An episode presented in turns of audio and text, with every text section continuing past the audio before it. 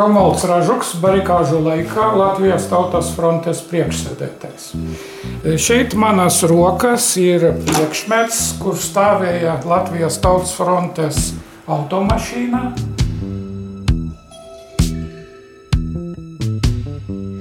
Šādas rācijas tolaik parasti bija policijas, ugunsdzēsēju un ātrās palīdzības mašīnās un viena arī Tautas frontes, kā ietekmīgākās tā laika tautas kustības līdera un Nacionālās pašaizsardzības komisijas locekļa Romualda Ražuka dienesta auto. Tas ir, ja tā varētu teikt, mūsu mobilo telefonu priekštecis. Saruna e, tika raidīta radio viļņos, un tad e, sasniedza centru Rīgā, un no tā centra jau par fiksētām vadu telefonu līnijām varēja sasniegt jebkuru abonentu.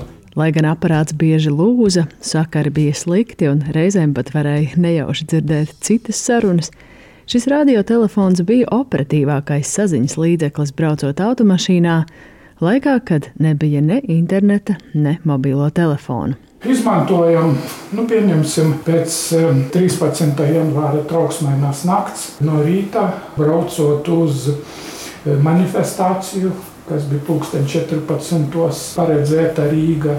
Nu, sakari notika braucot, es dzīvoju Jūrmala.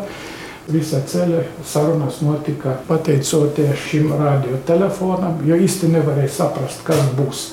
Vai armija atļaus pusmiljonam cilvēku sanākt Rīgā, vai mūsu plāns neīstenosies.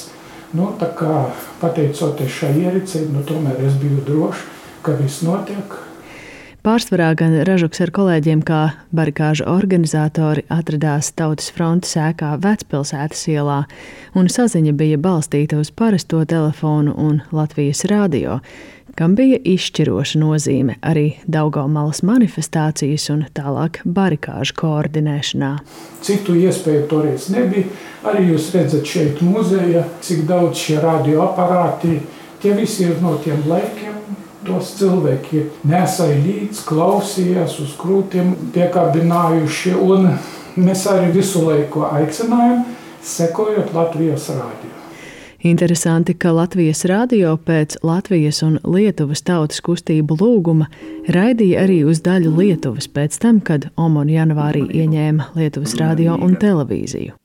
Cienījamie radioklausītāji! Latvijas rīta ziņas sākām ar traģiskajiem notikumiem Brāļu zemē Lietuvā.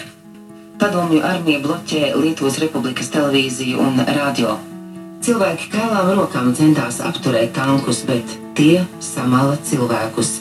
Un toreiz raidīšana bija vidējos viļņos, un tā tas diapazons, es domāju, nu mēs lielu daļu leišmalēs aptvērām.